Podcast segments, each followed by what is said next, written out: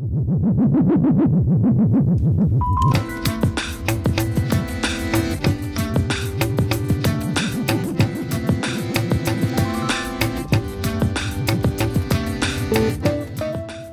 tempo da conversa desta semana estamos con Eduardo Rollán, que é un dos fundadores e redactores de Gue Ciencia, o portal da ciencia galega.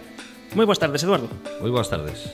Eh, temos que dicir que estamos no cuartel xeral de Gue Ciencia en Vigo. Por eso temos este este son especial, os de Efervescencia somos ben viaxeiros e dixemos, bueno, imos coñecer como vai Gue Ciencia eh, que temos que dicir que, bueno, medrades, medrades, e, eh, bueno, xa, xa vos lin que, por exemplo, nas redes sociais en Facebook sodes o medio máis seguido de toda Galicia. Sí, a verdade é que é un fenómeno. Ás veces nos pensamos que, que ciencia é un fenómeno. Nos tres anos que levamos, que cumpriremos agora en, en novembro, pois, bueno, non, non fixemos máis que medrar, eh, a verdade é que a audiencia é enorme a que temos, o interese, bueno, había quen podía eh, o mellor dubidar de que o interese polas novas científicas pois non fose tan grande, pero a realidade é que a ciencia abrangue todo e a xente a través da nosa páxina pois bueno, chega a temas de saúde, de economía, de mar, de, de, de temas diversos, de, de, bueno, de todos os eidos da, da sociedade, da vida mesma.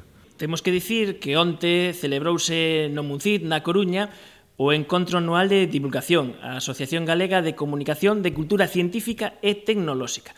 E no programa moi interesante de, de charlas e palestras que tivo lugar onte, houbo unha dedicado a Jules Verne en Galicia, que impartiu Eduardo Rolán e que nos deixou a todos abrallados. E dixemos, este é un tema tan fascinante e tan atractivo que temos que tratalo en efervesciencia, porque a relación de, de Jules Verne con Galicia eh, comeza con bueno, un dos libros eh, máis afamados do escritor francés que é 20.000 leguas debaixo do mar e aí ten un capítulo dedicado eh, exclusivamente a, a, a Rande. Arrande, sí, Abadía de Vigo é o título do capítulo e, bueno, esta para moitos é a mellor novela de Jules Verne.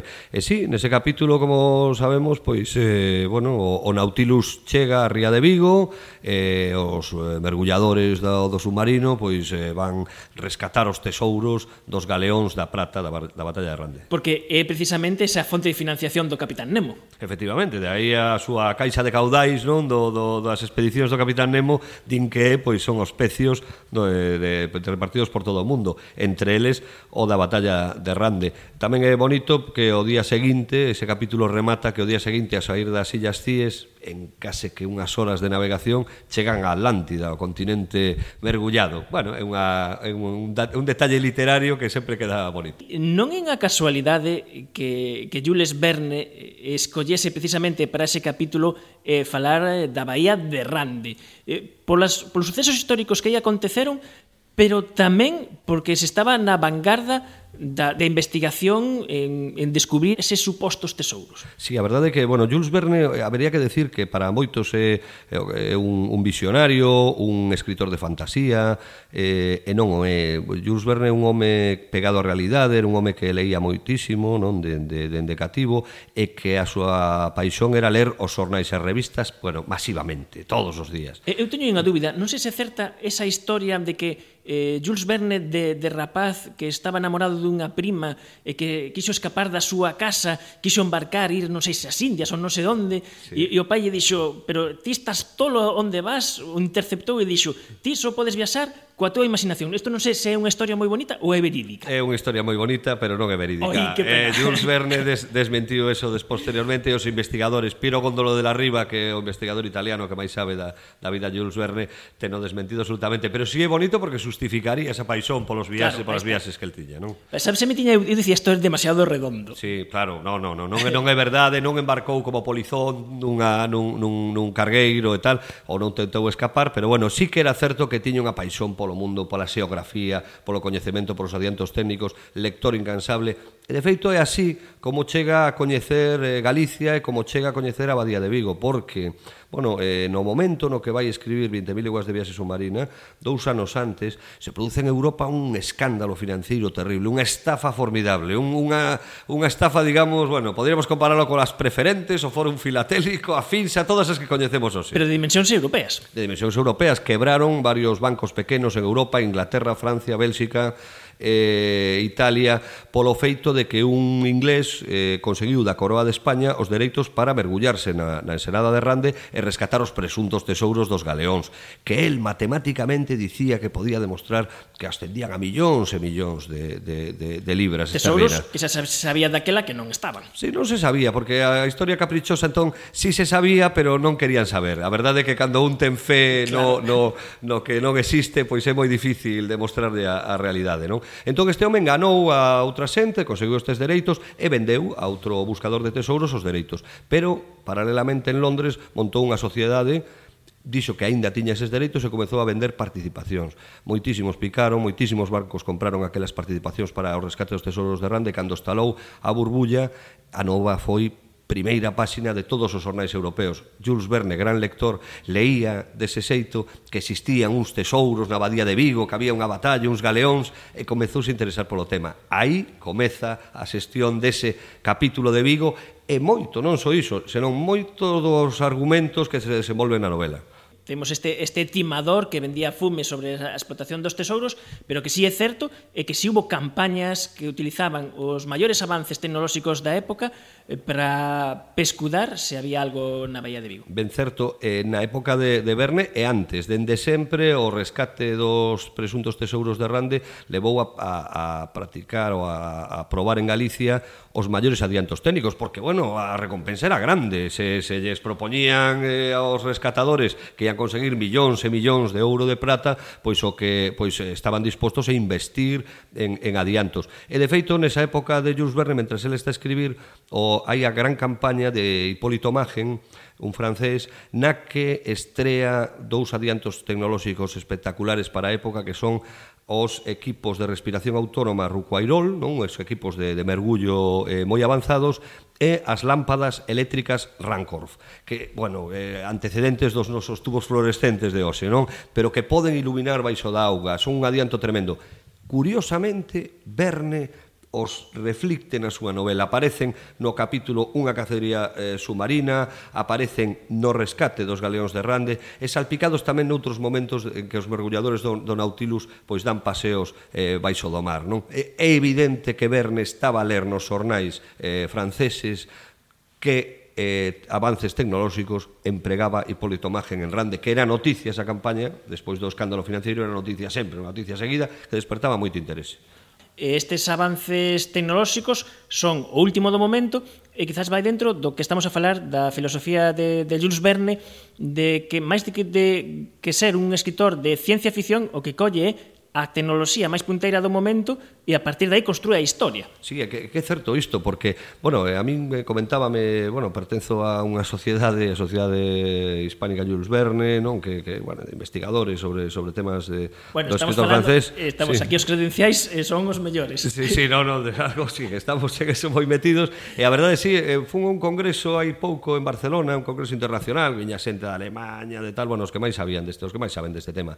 E había un, hai un experto, Volker Dess, alemán, compite con Piero Góndolo de la Riva en quen sabe máis de, de Jules Verne, non? Dai hai tamén pique nese mundo. Eh, eh, seguro que hai escolas, non? Entonces ti de sí. quen es, non? Esa, da escola italiana ou da escola alemá, non? A, a italiana é máis fantasiosa, a de, a de Piero Góndolo é unha cousa máis... É un gran coleccionista de, de obxectos relacionados con Jules Verne e tal. E, e Volker Dess é máis, máis académico. E Volker Dess facía esa pregunta eh, interesantísima que dicía se, eh, se Jules Verne despertase interese só polo feito de que anticipaba a ciencia, eh, unha ciencia ficción ou unha ciencia do futuro, de, ninguén leería actualmente as súas novelas, porque sabimos un submarino, sabamos un avión, sabimos o homena eh, chegar á lúa e tal. Ten algo máis. Bueno, ten esa aventura, ten ese valor literario, que, que teñen as súas novelas, que anticipan como folletines, anticipan iso que agora vemos, esas series de HBO, esas series de Netflix. Bueno, as estamos a ver... Eh, es que claro, eso... Son por entregas, non? As novelas de Verne funcionan como un guión de calquera serie destas, non?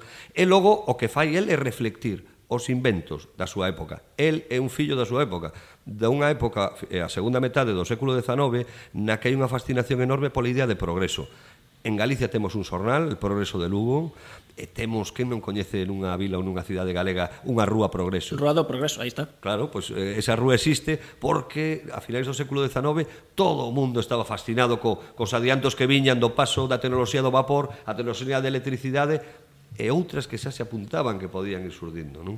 falando así de mm, Jules Verne, eh, a min remíteme, eh, está claro, a miña adolescencia, cando ves eh, les as novelas compulsivamente, e, e é curioso isto que dis de que está cos avances máis punteiros da época, avances tecnolóxicos, avances de coñecemento. Eu, por exemplo, a min, debe ser a primeira así que lín así eh, completa, edición completa, eh, por exemplo, Miguel Ostrogoff, que dis que, eh, que o home vai quedar cego, que lle poñen os sables, iso que queda así moi sí, moi metido, e que logo resulta que preparas unha efervesciencia, empezas a falar do efecto eh, Leidenfrost de, das, das sarténs, de como se evapora a pinga de auga, e logo ves e dices, anda, si é xusto que estaba explicando Jules Verne de por que Miguel Strogoff conserva a vista todo isto, e está metendo un fenómeno físico detrás, o sea, decir, é todo moi, moi documentado e moi verosímil. É que facía sempre isto, de, de feito imos dicilo, xa non era eh, a, a, a, ademais de descartar que fose un eh, escritor de fantasía ou un visionario, non, era un divulgador científico. De feito Jules Verne, que ten unha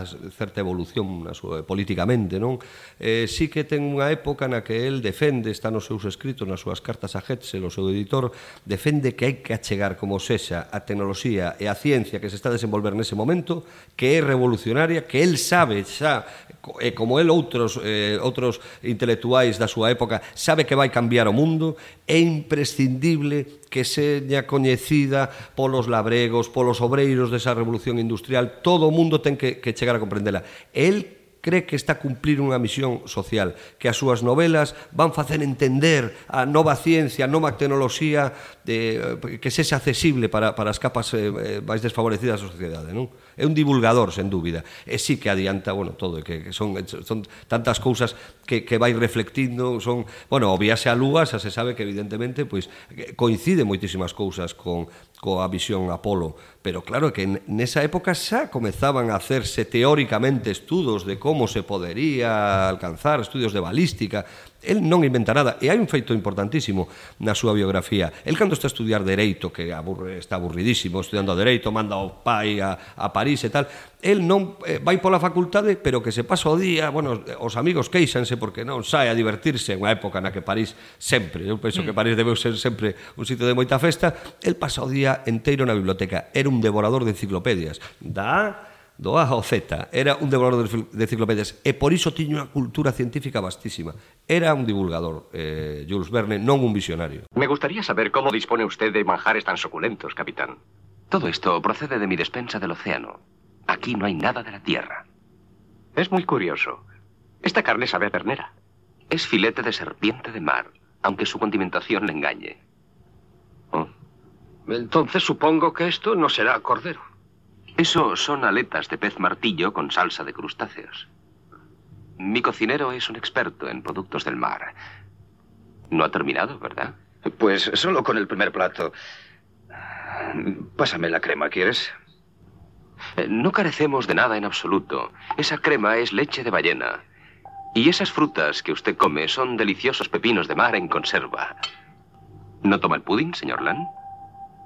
¿Seguro que es un pudding?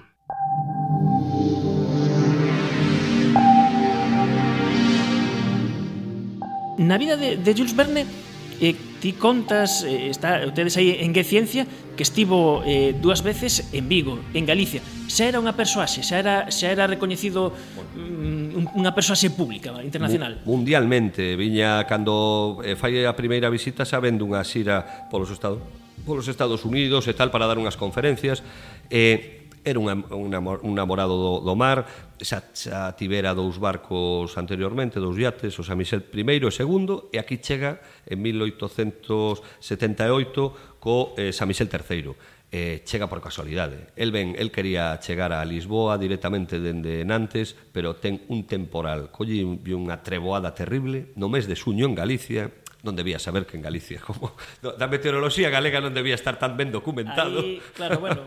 entón, bueno, pois pues, e, e fai ten que facer escala porque teñen incluso medo, non? O, o yate un yate de vapor espectacular, grande, e chegan a Vigo, pasan 4 días, Vigo está en festas nesa época, hai unha eh, a procesión do Cristo da Victoria que se celebraba aí entón, a festa da Reconquista, e bueno, el participa en todos os bailes, dispútanse as sociedades recreativas, la tertulia e el casino, dispútanse a, a Verne para que vaya ali aos seus bailes de salón, e bueno, a verdade é que pasa moi ben, deixa uns escritos que realmente, bueno, os teño descoberto eu hai tres anos, non, non se sabía que había que el escribira que la, to, tiña uns carnés de viaxe, e vai contando todo o que vai facendo. Mesmo lle convidan a ir ao fondo da ría en Senada de San Simón e lle ofrecen un traxe de mergullador para que coñeza os Qué galeóns bon. directamente. E eh, rexeita todo porque ten 50 anos e di que xa está un pouco maior para todo iso. Xa está un pouco de volta. Sí. E, e, historias colaterais, historias colaterais mesmo que saen en Rande. Outra historia fascinante que contades en que ciencia eh, que isto nos leva así un poquiño antes no tempo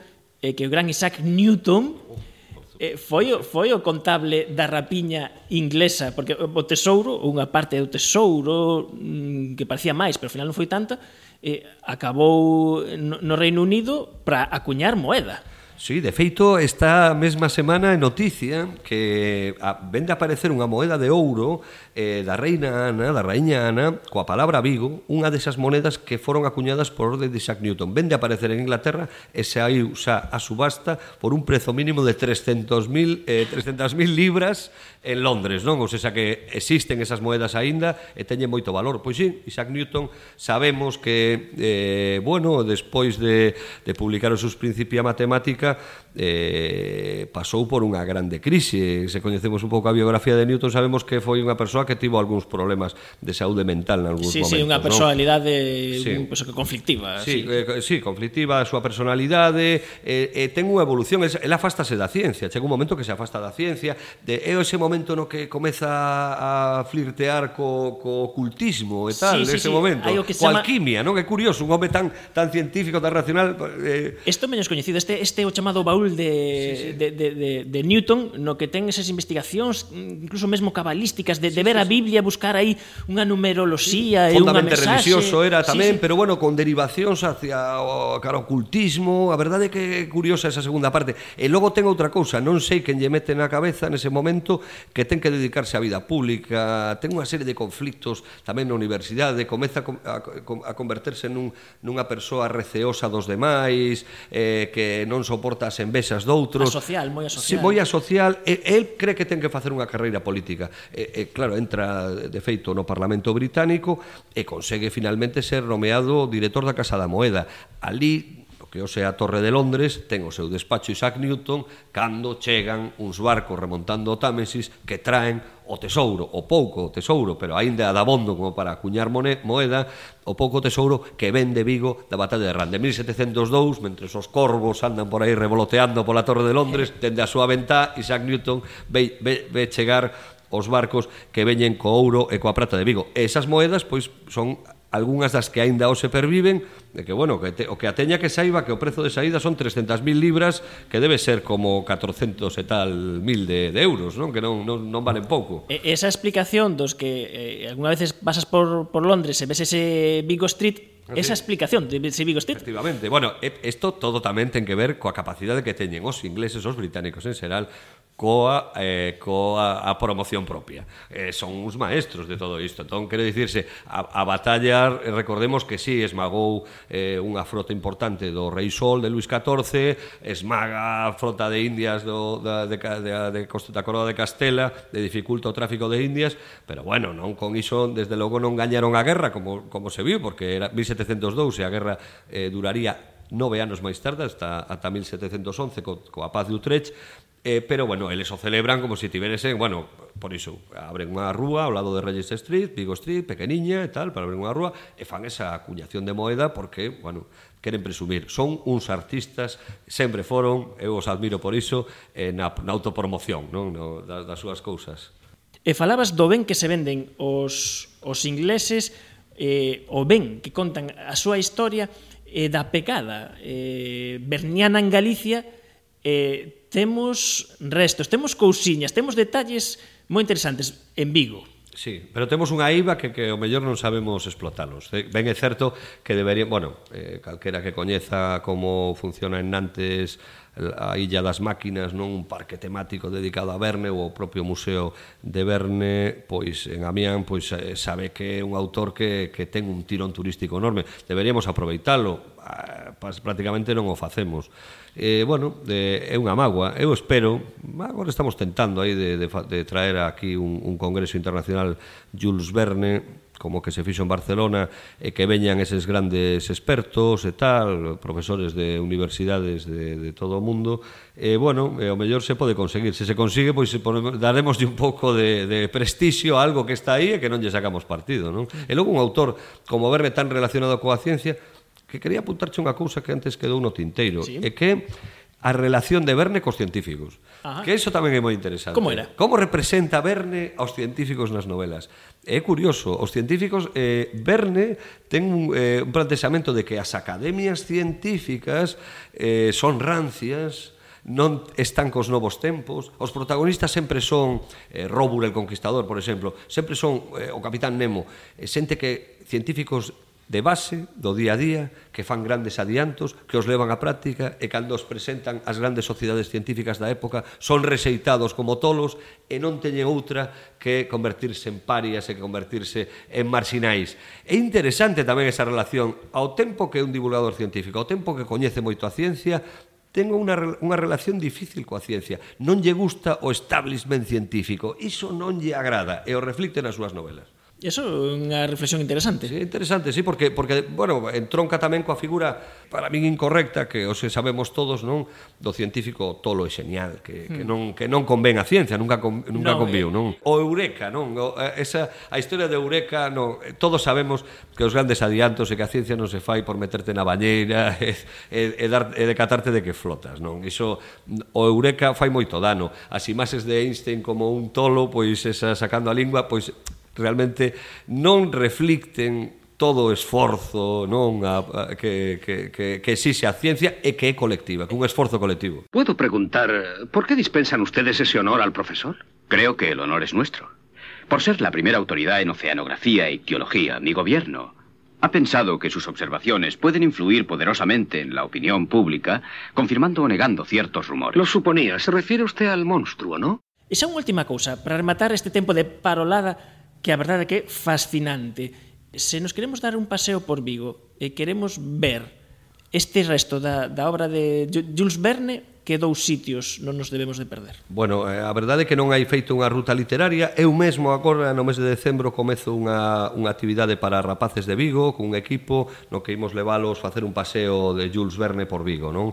Eh, de fe, eh, agora vou sacar de feito un libro 20.000 leguas de Verne a Vigo, para, eh, eh, indicado para un público infantil, está escrito para rapaces entre 10 e 15 anos. Pois pues eso, eh, nada, cando lancedes, avisade que lle damos pois pues aí nada, un pulo importante. Pois pues eh. nada, pois pues, lo comentaremos. E nada, estamos agora preparando iso precisamente, eu penso que unha ruta Jules Verne comezaría na propia estatua que hai agora na, na, nas avenidas, no Porto e tal, eh, es, debería incluir unha ruta en barco para chegarse ata a Illa de San Simón, mesmo desembarcar, hai unha pequena estatua ali que tamén se ve, bueno, con uns buzos pozos que co marea alta e baixa pois van esa, aparecendo. Esa, esa é fascinante. Está o sea, moi ben, que... esa, esa xogada da, da marea que fai que aparezan ou non, que a estatua se vexa ou que non é moi bonito. Que ese buzo a veces se convirte nun omni porque hai xente que mellor empeza aí a, a, sí, bueno. a sulagarse e ven esa cousa e dicen que aí hai un... Sí, sí, o, o lago Ness, non? O, o, o, o monstro do lago Ness na, na, na Seada de San Simón. Sí, pois debería incluir iso. E logo, bueno, calquera paseo polo centro da cidade, Verne neses días nas dúas súas visitas, pois ia ao Café Suizo, onde podía ler a presidencia internacional. Dicíamos antes que era un gran lector, non podía pasarse en ler dúcias de xornais e revistas todos os días. Eh, paraba no Hotel eh, Continental, que xa non existe, subía a Monte do Castro e observaba un pouco a ría pola que, na que fixo chegar o Nautilus.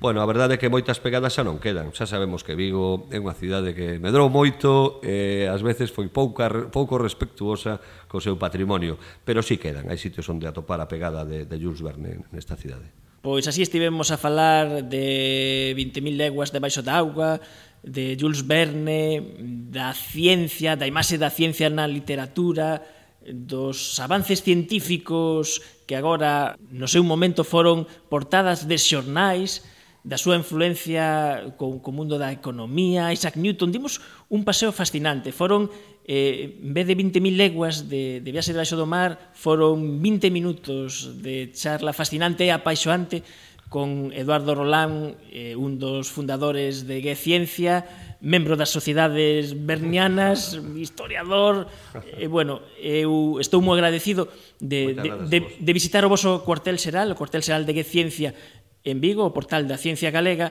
En efervesciencia, eu penso que imos a facer un, unha boa fichaxe, temos que poñer ahora números aquí para que Eduardo Rolán a xente que ciencia de cando en cando nos veñan contando cousas como estas. Cando o que irades, moitísimas grazas a vos. Créame usted, cuesta imaginarlo.